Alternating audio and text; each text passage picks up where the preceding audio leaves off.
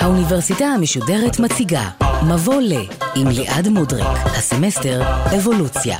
והפעם שיחה נוספת עם הפרופסור ארנון לוטם, מבית הספר לזואולוגיה בפקולטה למדעי החיים ומבית הספר סגול למדעי המוח באוניברסיטת תל אביב על ההיסטוריה של האבולוציה. עורכת ראשית מאיה גאייר. טוב לכם. אתם שוב על האוניברסיטה המשודרת, סמסטר האבולוציה, ואנחנו בתוכנית השנייה של הרצאת המבוא שלנו, שבעצם מהווה נקודת פתיחה לסמסטר כולו. אז אם בשבוע שעבר התמקדנו במקור של התיאוריה ובדרך שבה היא נוצרה ופותחה, היום נבקש לברר שני מושגי יסוד בתיאוריה, ברירה טבעית וסחיפה גנטית. במובנים רבים, אלה הם הכוחות המניעים של האבולוציה. איתנו שוב פרופסור ארנון לוטם מבית הספר לזואולוגיה בפקולטה למדעי החיים ובית ספר סגול למדעי המוח באוניברסיטת תל אביב. ערב טוב. ערב טוב. אז נפתח בברירה הטבעית, מושג מפתח בתיאוריה שהפך למושג מרכזי גם מחוצה לה, בתיאוריות חברתיות, כלכליות, פילוסופיות. מהי בעצם ברירה טבעית? אוקיי, ברירה טבעית זה אחד משני הכוחות בעצם שמחוללים וגורמים לשינוי אבולוציוני. יש לנו בעצם, אפשר להגיד, שני כוחות. בעצם יותר נכון להסתכל עליהם כשני תהליכים סטטיסטיים אפילו, שיוצרים שינוי אבולוציוני. אם בתוכנית הקודמת דיברנו על כך שאבולוציה זה בעצם שינוי בשכיחות תכונות מדור לדור, אחד הכוחות שגורמים לשינוי הזה זה הברירה הטבעית. עכשיו, איך בעצם הברירה הטבעית עובדת? הזכרנו את זה שדרווין בעצם, אחד הרעיונות המרכזיים שלו זה שהשינוי האבולוציוני מתרחש עד הברירה הטבעית, והברירה הטבעית היא גם יכולה להסביר לנו איך תכונות חכמות נוצרות. יש לה את כוח יצירתיות בעצם, היא יכולה להסביר לנו מה מקור התבונה בטבע בלי מתכנן תבוני. ומה שמפתיע שהתהליך הזה הוא תהליך די פשוט בעקרונות שלו ויכול להביא לתוצאות די מורכבות. אה, מה שבעצם אנחנו נוטים להגיד, כשמסתכלים על ברירה טבעית, להגיד בואו ניקח כמה הנחות, בואו נראה מה קורה בטבע. הדבר הראשון, בטבע יש עודף פוריות, כן? אה, בעלי חיים מתרבים בשיעור גבוה, כמו כן. שהזכרנו קודם על מלטוס ועל גדילה הגיאומטרית של אוכלוסיות, זאת אומרת, יש לנו עודף פוריות. יש לנו תמיד יותר פרטים מאשר בית הגידול יכול לשאת. זאת אומרת, לא כולם יוכלו להעביר צאצאים לדור הבא או לשרוד לדור הבא. כתוצאה מכך, חלק ישרדו, חלק לא. דבר שני שקורה בטבע, כעובדה, זה שיש שונות, או מה שנקרא וריאציה. הפרטים שונים בתכונות שלהם. דבר נוסף, כתוצאה מזה שלא כולם יכולים לשרוד, ויש הבדלים בפרטים, זה אומר שחלק מצליחים וחלק לא, חלק מצליחים יותר מאחרים. וזו הברירה הטבעית בעצם. הברירה הטבעית היא, היא, היא דורש לעוד משהו אחד קטן, שאם יש איזו תכונה שגורמת לך להצליח יותר מאחרים, כן. שאתה גם תוריש אותה לצאצאים שלך. כן. זאת אומרת, לפעמים מה שגורם לך להצליח יותר מאחרים, זה משהו שהוא לא מועבר בתורשה. אבל אם התכונה הזו, למשל צבע, גודל גוף, IQ אה, יותר גבוה, כל דבר שהוא תכונה שגם עובר בתורשה, הרי שהתכונה הזו שאפשרה לך להצליח, היא תיוצג בדור הבא בשכיחות יותר גבוהה. אז איך זה מכניס... אז זה עכשיו מכניס לדיון שלנו כל מיני מושגים שאולי צריך לתת עליהם הדעת, את הדעת. למשל, אתה אומר, הסיכוי שלי לשרוד, אולי הכשירות שלי, כך זה אוקיי. אוקיי. ייקרא? כן, ישנם שני מושגים שנובעים מתוך תהליך הברירה הטבעי. אחד זה כשירות דרווינית, או באנגלית קוראים לזה fitness, גם אנחנו בשיעורים, בתלמיד כל יום קוראים לזה fitness, והנושא השני הוא אדפטציה. עכשיו, מה זה fitness? fitness זה בעצם הצורה שלנו למדוד את ההצלחה בתהליך הברירה הטבעי של פרטים. עכשיו, fitness זה בעצם מדד יחסית. זאת אומרת, אם אמרנו שחלק מצליחים יותר מאחרים, אז הצורה למדוד בכמה חלק יצליחו יותר מאחרים זה על ידי הכשירות הדרווינית שלהם. מה זה אומר? זה אומר בצורה פשוטה כמה צאצאים הצליח כל פרט להעביר לדור הבא בהשוואה לפרטים אחרים באוכלוסייה. זה תמיד מדד יחסי. כי בעצם, כמה שהצלחת, אם הצלחת להביא 20, אם תשאלי אותי 20 זה טוב או לא, זה תלוי מה המתחרים שלך הביאו. כן. כן? כי התחרות היא תמיד תחרות יחסית. המושג הזה הוא מושג קצת חמקמק, כי לפעמים הוא מושפע בעצם ממה שיקרה בעוד שתי דורות או שלושה דורות, אבל כעיקרון אפשר להסתכל על זה כהצלחה יחסית בהבאת צאצאים לדור הבא. כי ככל שתעביר יותר, הייצוג של הגנים יהיה יותר גבוה. אז זה המושג הראשון, נכון. והשני? אדפטציה, במילים פשוטות בעברית זה יהיה התאמה, כן? אבל זה בעצם, זה כל תכונה שעוזרת לבעל חיים או לצמח לשרוד ולהתרבות יותר טוב, ובלעדיה הוא היה שורד ומתרבה פחות טוב. עכשיו, מה זה בעצם אדפטציה, אם נחשוב טוב? בעצם כל דבר שהוא תוצר של הברירה הטבעית, שהוא תוצר של סלקציה, זאת אומרת, אם הייתה תכונה ש... אפשרה לי לשרוד או להצליח יותר ולהיות מיוצג יותר טוב בדור הבא, הרי שזו אדפטציה. עכשיו, אדפטציה יכולה להיות דבר פשוט, כמו צבע הסוואה למשל, כן? שגורם לי להיות יותר דומה לצבע הרקע ולהיות מוגן מטריפה, ואדפטציה יכולה להיות עין שמאפשרת לי לראות או מוח, זאת אומרת, יש אדפטציות מאוד מורכבות. אז שני המושגים האלה ביחד מסבירים לנו את הרעיון הזה של הברירה הטבעית, אבל נדמה לי, תקן אותי אם אני טועה, שהמושג השני שעליו אנחנו נדבר היום, שזה הסחיפה הגנטית, הוא קצת פחות מוכר בציבור הרחב. אולי אנחנו יודעים מה הוא אומר, אבל את השם אנחנו פחות מכירים, סחיפה גנטית. מה זה בכלל אומר? נכון. הסחיפה הגנטית היא קודם כל מושג יחסית יותר חדש בתיאוריה האבולוציונית. דרווין עצמו לא דיבר על סחיפה גנטית, פחות היה מודע לה. Okay. אוקיי. אה, דרווין בעיקר היה חשוב לו להסביר באמת איך הברירה הטבעית יוצרת שינויים ויוצרת אדפטציות, ושעל ידי ככה תהליך הסלקציה יוצר אה, פתרונות לבעיות שמציב הטבע. אה, אבל לאט לאט אנשים גילו שבעצם כשאתה חושב קצת יותר מתמטית על התהליך ומה קורה באוכלוסיות, הם גילו דבר פשוט שבעצם ידענו אותו בצורה אינטואיטיבית, שחלק מהגורמים להצלחה או אי הצלחה זה המזל. כי אתה יכול להגיד, אוקיי, מה גרם לקהל לשרוד? אתה יכול להגיד, אוקיי, צבע הסוואה, אבל לפעמים כן. זה רק מזל. כן. עכשיו, המזל זה גורם מאוד מאוד משמעותי. עכשיו, רק בשנות ה-30 וה-40 וה-50 שהתחילו לייסד את הסינתזה החדשה, מה שנקרא, לתיאוריה אבולוציונית, ולנסח אותה יותר מתמטית, התחילו להבין את החשיבות של השריפה הגנטית, אבל האמת היא, את החשיבות האמיתית שלה רק בשנות ה-60 וה-70, שהתחילו כבר לעבוד על אבולוציה מולקולרית, ובאמת על איך משתנים גנים ברמה המולקולרית, הבינו כמה הכוח הזה הוא כוח מאוד מאוד חשוב באבולוציה. אבל אני עוד לא הבנתי אותו. עכשיו, מה... אוקיי, כן. אז עכשיו זו הייתה הקדמה, אז עכשיו אני אסביר כן. מה הוא חשוב. השריפה הגנטית בעצם אומרת, ניקח דבר נורא פשוט, שאם יש לך שני גנים, או שתי תכונות, שהם בעצם בעצם שוות. מבחינת התרומה לפיטנס, התרומה לכשירות הדרווינית. אתה יכול להגיד, אתה יודע מה, יש לי שני ציפורים, אחת יש לה פס שחור, אחת יש לה פס לבן. כן. ואתה יכול להגיד, שמע, התרומה שלהם לפיטנס אותו דבר, אין שום הבדל, מה יקרה? אז הרבה אנשים יגידו, שמע, אם זה אותו דבר, לא יקרה שום דבר, שניהם יחיו זה בצד זה. והתשובה האמיתית היא, לא. אם תתחיל מאוכלוסייה שיש לה חצי פס שחור וחצי פס לבן, והם שניהם בדיוק אותו דבר מבחינת תרומה לפיטנס, כן. אחד מהם בתהליך אקראי ישתלט על השני. ולכן זו סחיפה? כי זה סוג של היסחפות כזאת? כן, עכשיו בהתחלה זה קשה לתפוס את העסק הזה, אבל אחת הדוגמאות שבעצם כולנו מכירים, מראות את התהליך, זה כולנו, רובנו לפחות, כשהיינו ילדים, שיחקנו במשחק קלפים נורא טיפשי שנקרא מלחמה, ברור. או מלחמה. ברור. המשחק הזה בעצם הוא לא בדיוק אותו דבר, אבל מבחינה מתמטית הוא מדגים את העיקרון הזה.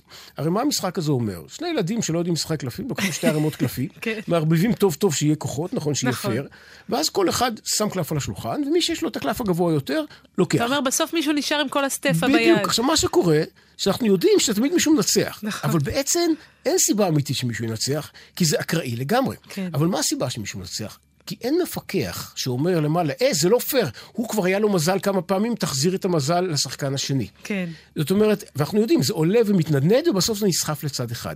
עכשיו, אותו דבר קורה עם גנים באוכלוסייה. הכוח הזה, זאת אומרת, אם, אם אין הבדל באיכות הקלפים, או אין הבדל באיכות הגנים, עדיין הכוח של השריפה יגרום לכך שתהיה שינוי.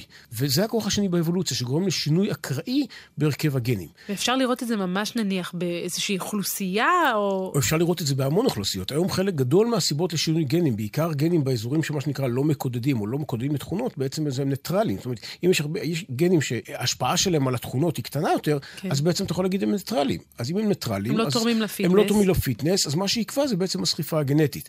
והיום יש המון עדויות לכוח של הסחיפה הגנטית, והיא בעצם היא אלטרנטיבה. אם נחזור למשחק הקלפים, אתה יכול להגיד, אם היה לי קלפים יותר טובים, אז יהיה כאילו ניצחתי אותך בגלל שהייתי יותר טוב, זה יהיה סלקציה. כן. אם היה לנו קלפים אותו דבר, אז עדיין מישהו ינצח בגלל המזל, וזה יהיה יותר דומה לסחיפה. אז אם ננסה לשלב ביחד את שני המושגים האלה, של ברירה טבעית וסחיפה גנטית, איך ביחד אנחנו למדים אה, משהו על הטבע, על איך שהאבולוציה מתנהלת? זה בעצם אה, שילוב של שני גורמים. נכון. שני הכוחות האלה, קודם כל נותנים לנו שתי אלטרנטיבות, להסתכל על כל תכונה.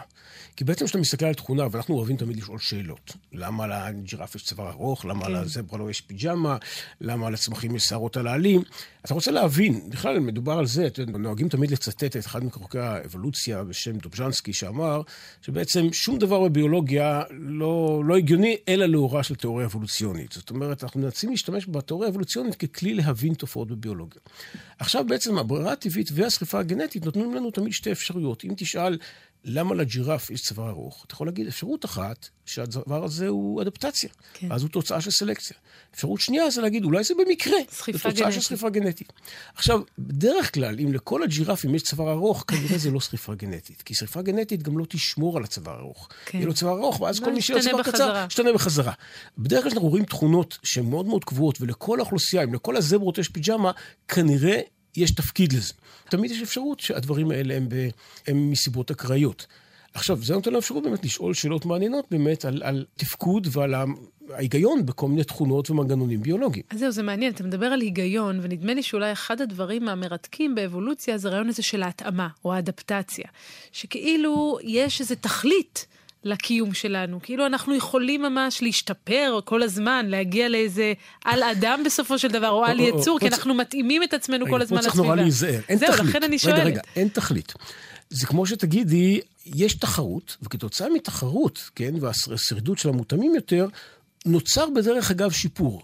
המטרה היא לא להשתפר, המטרה, המטרה, אפילו אין מטרה. זאת אומרת, נגיד בשוק המטרה היא להרוויח כסף, ואם על הדרך השתפרנו... אם על הדרך ייצרת מכונית יותר טובה, אז ייצרת, כן? בעצם זה מה שקורה פה, התהליך יוצר שיפור, אבל לא תמיד הוא יוצר שיפור. לפעמים באבולוציה אנחנו רואים קווים שיוצרים דווקא סטגנציה. תראי, הכרישים לא השתנו הרבה זמן, הווירוסים לא השתנו הרבה זמן, הם הגיעו לאיזושהי, מה שנקרא, איזושהי אופטימיזציה, איזו פסגה אדפטיבית, אנחנו קוראים לזה, איזושהי פשרה טובה בין לחצי סלקציה, ואין שום סיבה לשנות אותם. רגע, זה נורא מעניין אותי, מה זה אומר לא השתנו הרבה זמן? מה זה הרבה זמן הזה שעליו אנחנו מדברים? 300 מיליון שנה. אז אנחנו אפילו לא בסקאלה של הזמן שבו הם תקועים כבר. נכון. יש לך יצורים שבעצם חלק מהחרקים כמו שפיריות, או דגי סחוס כמו כרישים, חלק מהגנום שלהם השתנה כתוצאה מסחיפה גנטית, אבל דווקא התכונות שלהם, כן, הצורה, המורפולוגיה, הרבה מהדברים לא השתנו, כי הם הגיעו לאיזושהי פונקציה מאוד מוצלחת, ואין שום סיבה לשנות, כל עוד שהם לא משנים בית גידול או שהסביבה לא השתנתה. אז האבולוציה לפעמים, הסלקציה, הברירה הטבעית דווקא עובדת לשמר. היא עובדת ככה שכל שינוי, כל מוטציה שבעצם רק מקלקלת, אז היא שומרת נגד קלקולים. אבל בכל זאת אנחנו מנסים להסביר אדפטציות או התאמות, או דרך מנגנון, או דרך הכוח האבולוציוני. נכון. יותר מזה, יש לנו כמה צורות להסתכל על זה. יש פה שתי צורות להסביר תופעות. חלק גדול מהביולוגים שמסתכלים על, אם נשאל שאלה, למשל, למה, למה מתוק זה טעים? כן. אז תגיד, כי יש בזה סוכר. כן. ומסבירים את המנגנון, ולמה אנחנו אוהבים סוכר? כי יש, יש לנו רצפטורים לסוכר, והרצפטורים האלה מעבירים גירוי למוח, והמוח נותן לנו איזה גירוי שהוא חיובי. אני חייבת להתערף או להגיד מה שאני מנסה להבין אצלי במעבדה, זה למה גם נלווה לזה הטעם הטעים והמתוק של הסוכר, זו כבר שאלה אחרת. אוקיי, נפלא, אבל השאלה נורא חמה, מכיוון שאחד הדברים שתוכל להגיד, רגע, אבל יש בעלי חיים שלא אוהבים סוכר, יש בעלי חיים שאוהבים צואה של בעלי חיים אחרים, כן? אז למה להם זה טוב? אז אתה יכול להגיד, רגע, בעצם מבחינה אבולוציונית, זה לא שסוכר טוב לנו כי הוא טעים, אלא הוא טעים כדי שנחפש סוכרים. זאת אומרת, אם אנחנו בעל חיים שצריך סוכרים כדי לשרוד, אז כדאי שיהיה מנגנון שיגיד לנו סוכר זה טוב. אבל הנה שוב קצת מתגנבת לנו התכלית הזאת. זאת אומרת, זה מתוק כדי שיהיה טעים, כדי שנשרוד. כאילו הכל מכוון כי, לשם. כי כאשר מדובר על מנגנונים התנהגותיים שצריכים לשרת את ה... להביא לך משאבים שאתה צריך כדי לשרוד, אתה יכול להגיד יותר פשוט, למה אנחנו אוכלים? באופן כללי אתה יכול להגיד, אני אוכל כי אני רעב. לא, אבל מנגנון הרעב, כן? בוא נגיד ככה, במשך האבולוציה, בעלי חיים שלא היה להם מנגנון רעב... פשוט לא שרדו. פשוט לא, שרדו, לא אכלו, אם לא אכלו, לא שרדו. כן. כן? בעלי חיים שלא אוהבים סקס, או לא ירצו להתרבות, אז הם לא, לא יעבירו את התכונה של לא לרצות סקס לדור כן, הבא. כן. ואז מן הסתם התכונה הזו לא תצליח. בקיצור, זה שאני אוהבת שוקולד אומר שאני מאוד אדפטיבית. מבחינה, כן, אפילו יותר מדי. העניין שמדברים על זה שבסביבה הטבעית שלנו לא היה הרבה שוקולד, נכון. ולכן היה מאוד בריא שיהיה לנו craving לשוקולד. היום זה יוצר לפעמים בעיות אחרות. וזה נכון לגבי הרבה תכונות, יש תחום שלם שנקרא Darwinian medicine, זאת אומרת דרוויניזם רפואי, שמתייחס להרבה בעיות רפואיות בצורה הזאת. אז זה מעניין מה שאתה אומר, כי זה מוביל אותי לשאול, באמת זה נשמע כאילו יש עדיין היום הרבה מחקר בתחום של האבולוציה, אפילו שהתיאוריה היא כבר קיימת, מקובלת. מה קורה היום במחקר העכשווי של האבולוציה? מה כבר עוד יש לחקור? יש המון לחקור, כי דווקא זה די מדהים כמה... שכאשר מנסים להבין את האבולוציה, אנחנו עדיין בתחילת הדרך, בעיקר בהרבה תכונות. תמיד אנחנו בתור מדענים אוהבים להראות כמה גילינו, אבל כולנו יודעים כמה אנחנו עדיין לא מבינים בהרבה מאוד דברים. והיום דווקא האבולוציה, אני חייב להגיד שעד לפני 20-30 שנה, רוב הביולוגים חקרו את המנגנונים ופחות התעניינו באבולוציה. מבחינה הזו יש לנו כמעט מהפכה. אני יכול להגיד שכשאני התחלתי ללמד קורס באבולוציה, היו אצלי פרופסורים בפקולטה אפילו שאמרו, בשביל מה צריך שאבולוציה יהיה קורס חובה. כי מה? כי זה... כי הם התעניינו בעיקר במנגנונים, וזה נראה להם סיפורי היסטוריה, זה נראה להם קורס בהיסטוריה. היום יש מהפך שלם, זאת אומרת, אתה הולך לכמעט בכל התחומים של הביולוגיה, אפילו מחוץ לביולוגיה, אנשים מבינים שזה בעצם, זה תיאוריה מאוד מאוד מרכזית, שקשה להבין איך דברים עובדים בלי זה. אז העניין הוא בעצם חוצה תחומים. פעם אבולוציה היה לו איזה תחום, היום אנשים גם בגנטיקה וגם ב- ב- בכל התחומים, כן? אפילו מחוץ לביולוגיה, כן? אני משתף פעולה, למשל, אנחנו מנסים להבין אבולוציה של התנהגות ולמידה, ואני משתף פעולה עם אנשים ממדעי המחשב או בפסיכולוגיה, ו... אז מה באמת חוקרים היום? אז מה זה למשל אבולוציה של התנהגות ולמידה? אבולוציה של התנהגות, ישנם תחומים שלמים שחוקרים. למה בעלי חיים מתנהגים כמו שמתנהגים? איך התנהגות מסוימת תורמת להם לפיטנס? מדוע מנגנון למידה מסוים בנוי כמו שהוא בנוי, מבחינת ה... איך הוא עוזר לבעל חיים לשרוד ולהתרבות יותר טוב? מה ההיגיון?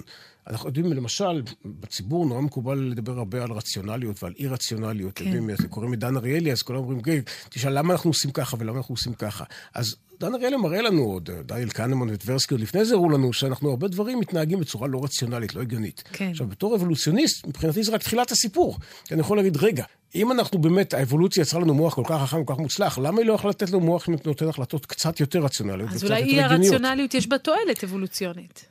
העניין הוא בדיוק, מה זה תועלת? צריך להסתכל מול איזה בעיות התמודדנו בטבע.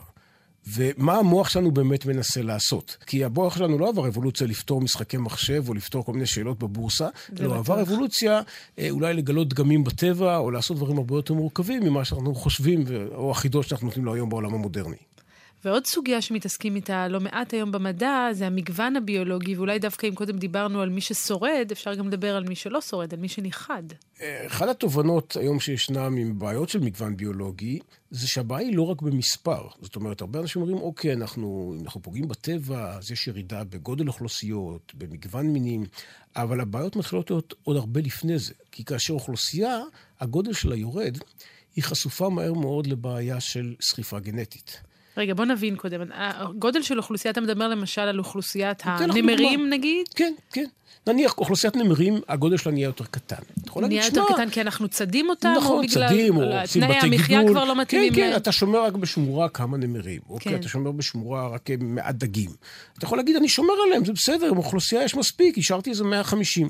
הבעיה היא שבאוכלוסיות, כן, ברגע שהמדגם קטן ופועלת סחיפה גנטית, ותזכרי שמשחקים את המשחק קלפים במלחמה, אם משחקים אותו מעט קלפים, הוא נגמר נורא מהר. כן. אותו דבר קורה בסחיפה גנטית. אם האוכלוסייה קטנה, אז גנים מסוימים תמיד מנצחים את האחרים נורא מהר. אז הם השתנו ו- מהר? הם לא משתנים, זה ההשתלטות של גנים מסוימים על פני אחרים נורא מהירה, ואז גנים הולכים לאיבוד. עכשיו, להחזיר אותם אתה צריך מוטציות. מוטציות זה דבר שהוא נורא נדיר, ולוקח המון שנים עד שהוא יחזור. ולכן, אה, ברגע שאתה מקטין אוכלוסיות, אתה כבר יוצר אבולוציה שגורם, דרך שריפה גנטית שגורמת לאובדן מגוון גנטי. יש דוגמאות אחרות, למשל אתה יוצר סלקציה, אחת הדוגמאות המאוד מעניינות זה דייג אינטנסיבי שנעשה לקוד האטלנטי, שזה בעברית הבקלה, בצפון האוקיינוס האטלנטי. אנשים אמרו, טוב, אני יוריד את מספר הדגים, אחר כך נפסיק לדוג, הם יעלו חזרה. מה שמסתבר שאתה דג דגים, אתה גם עושה אבולוציה. כי הרשת שמוציאה את הדגים הגדולים, משאירה בים את הדגים הקטנים. כן. הדגים הקטנים, מי שורד? אה, מישהו קטן, ומי שמתחיל להתרבות שהוא יותר קטן. ואז במקום לקבל דגים גדולים שמטילים הרבה ביצים ונותנים הרבה בשר, אתה קיבלת דגים, אתה עשית אבולוציה לדגים קטנים שמתרבים בגיל קטן, מטילים פחות ביצים, וכל האוכלוסייה נופלת, בגלל בעצם אבולוציה שאנחנו יצרנו על ידי דייג. זהו, אנחנו בדרך כלל חושבים על אבולוציה כעל כוח טבע. אבל בעצם, אתה אומר, אנחנו במו ידינו יכולים ליצור אבולוציה זמן, בזמן כן, אמת. כן, בזה מדובר על דבר שקרה ב-2004 שגילו אותו, וממש עד היום האוכלוסייה לא תשושה, כי היא אוכלוסייה אחרת היום. יש עוד uh, שימוש באבולוציה במחקר העכשווי? כן, היום אבולוציה משתמשים בה לא רק לצרכים ביולוגיים. יש כמה דוגמאות. דבר ראשון, אה, אם בעצם בטבע הדרך ליצור פתרונות חכמים לבעיות זה על ידי הברירה הטבעית, אנשים בעצם אמרו, רגע, למה לא שאנחנו נשתמש בזה? יש תחום שלם שנקרא אלגוריתמים אבולוציוניים או אלגוריתמים גנטיים שמשתמשים בזה במדעי המחשב או בהנדסה, ואתה יכול להגיד, רגע, אני עצמי יכול לפתור בעיות על ידי כך שאני אעשה מין כאילו תהליך אבולוציוני במחשב. אני ייצור למשל, ויש דוגמאות לכך, אנשים ייצרו כבר בשנת 2000, היה מאמר יפה בנייצ'ר, דווקא חוקר ישראלי, הוד ליבסון, אה, הוא גם נמצא בארצות הברית, והם יצרו רובוטים בתהליך אבולוציוני לגמרי, הם יצרו מין רובוטים אה, די פרימיטיביים שלא יודעים ללכת, אבל אה, הם יצרו מוטציות אקראיות ברובוטים האלה, והתכנון היה תכנון במחשב, והם עשו תחרות שרק מה שמאפשרת שהרובוט שבמקרה הצליח לזוז קצת יותר, הוא זכה, ממנו היו מעתיקים הרבה רובוטים חדשים, זה הכל כן. במחשב, ושוב פעם עושים מוטציות. והם הראו שרק על ידי זה שאתה עושה תחרות על מי יתקדם יותר טוב, אתה יצרת רובוטים. בעצם זה לא מהנדס תכנן אותם, יצרת רובוטים שהולכים על הקרקע בצורה די דומה לכל מיני יצורים פרימיטיביים שזוחלים על קרקעית הים. ממש, אתה יצרת רובוטים שיודעים ללכת. זה סימולציה או שזה לרובוטים אמיתיים מכניים שזזים? הם עשו סימולציה במחשב, הם גם ייצרו אותה מכנית על ידי מדפסת תלת-ממדית. כי את הדורות הגדולים אתה לא יכול לעשות אלפי דורות או מיליוני דורות אה, בפועל. אתה, המחשבים אז הם עשו את הסימולציה נכון פעם אחר פעם, אתה, ואז נכון. תרגמו את התוצאה של הסימולציה, שהיא בעצם תוצאת האבולוציה, לרובוטים בפועל, נכון. שאותם הדפיסו. זאת אומרת, אתה יכול לפתור בעוד ככה. יותר מזה, היום, אה, בשנים שלאחר מכן, הוד ליבסון פיתח והצוות שלו פיתחו תוכנה שמנסה אה, לגלות משוואות מתמטיות, לגלות משוואות שמסבירות חוקי טבע על ידי תהליך אבולוציוני. זאת אומרת, אתה וואו. לוקח נוסחאות שהן נוסחאות די טיפשיות, די, די רנדומליות, כאילו. מתחיל לשכלל אותן לפי תחרות. ומתחיל לראות כמה הם, בדיוק, כמה הם יכולות להסביר דאטה. אתה יכול על נתונים של נניח התנהגות של מטולטלת, כן. ואתה אומר, איזה נוסחה מסבירה לי הכי טוב את ההתנהגות של מטולטלת. אוקיי, וזה אתה עושה במחשב. עכשיו, רוב הנוסחאות בהתחלה לא מסבירות את זה בכלל טוב, אבל אתה ממשיך לעשות בהם שינויים אקראיים, ומי שהסביר הכי פחות גרוע, הוא, אתה ממשיך להעתיק אותו.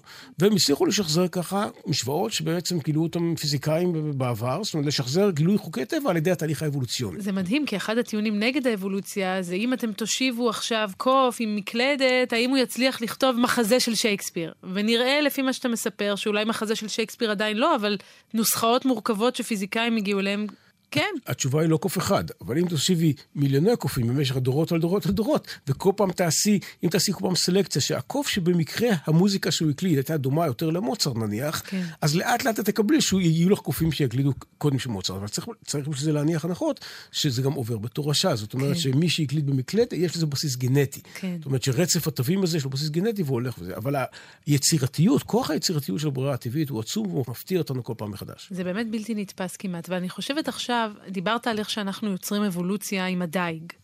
אנחנו לא יוצרים אבולוציה בברירה הלא טבעית שאנחנו יוצרים כשאנחנו בודקים, מסננים תינוקות לפי הפרעות גנטיות, כשאנחנו שולטים בדברים האלה. אני לא מדברת עדיין על הנדסה גנטית של תינוקות, אבל זה לא גם סוג של אבולוציה? אוקיי, okay, פה צריך להיזהר, יש פה כמה דברים. אחד, יש עניין של ציר הזמן, של סקלת הזמן. אבולוציה זה דבר שלוקח הרבה זמן, ובבני אדם, כמו שאמרתי, כן. במשך דור נורא איטי, אז לא, לא כל כך מהר את יוצרת שינויים בגנטיקה של האוכלוסיות. כן. גם אם את עושה שינויים תרבותיים די קיצוניים. יש פה שני כיוונים. אחד, שקודם כל יש, מדברים לא מעט על אבולוציה תרבותית. זאת אומרת, יש תהליכים מקבילים לאבולוציה שהם לא מבוססים על גנטיקה. כן, השפה שלנו למשל, תרבות בניית הכלים, כל התרבות, יש מה שנקרא אבולוציה תרבותית. היום מדברים על זה גם הרבה בהקשרים של אה, רעיונות או פרסומות, מה שנקרא מימס, באינטרנט. כן. זאת אומרת, יש בעצם כל ישות שיכולה לשכפל את עצמה. אה, במקום בגנים בצורה אחרת. בצורה של למידה חברתית, בצורה של העתקה, ויש יש תחרות בין רעיונות. אתה יכול להגיד, אוקיי, גם בתרבות יש אה, תחרות בין שירים, והשירים הקלאסיים והטובים שורדים, והשירים הפחות אה, טובים לא שורדים, ואז הם לא נכנסים לרשימת ההשמעה של גלי צה"ל, ולא משתמשים בהם עוד פעם ועוד פעם.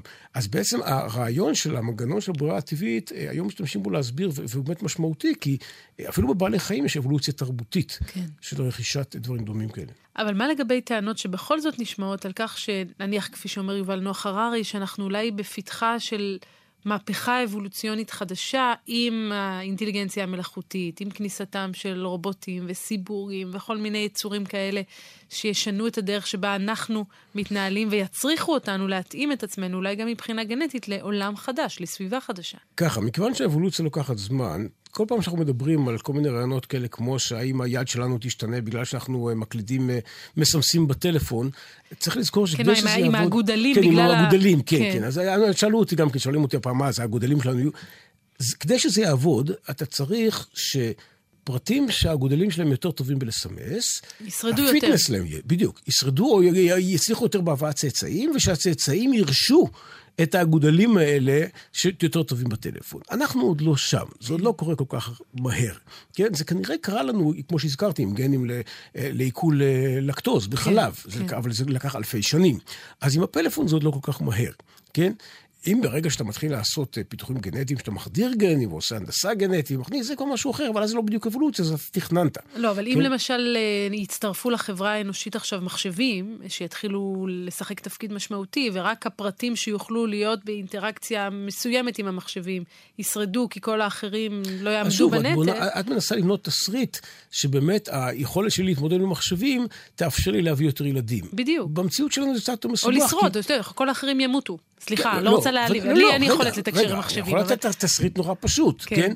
את יכולה ליצור אבולוציה מאוד מהירה, שאם יהיה לך מצב של איזה אירוע מלחמתי, שאתה הורג את כל מי שיש לו איי-קיו שלא מאפשר לו להסתדר עם מחשבים, אז יהיה לך מיד מאוד, יהיה לך סלקציה לזה.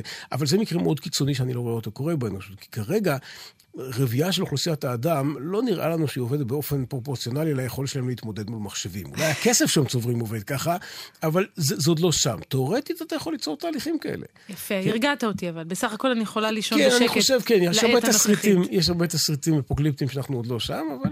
אה, נראה. אז בנימה אופטימית זו אנחנו נסיים. אני רוצה מאוד להודות לך על שתי ההרצאות המאלפות האלה שפתחו לנו צוהר אל תיאוריית האבולוציה ויאפשרו לנו עכשיו להמשיך בסמסטר הזה, גם בשבוע הבא וגם באלה שאחריו. פרופסור ארנון לוטם, תודה רבה לך. תודה רבה לך, ליאת.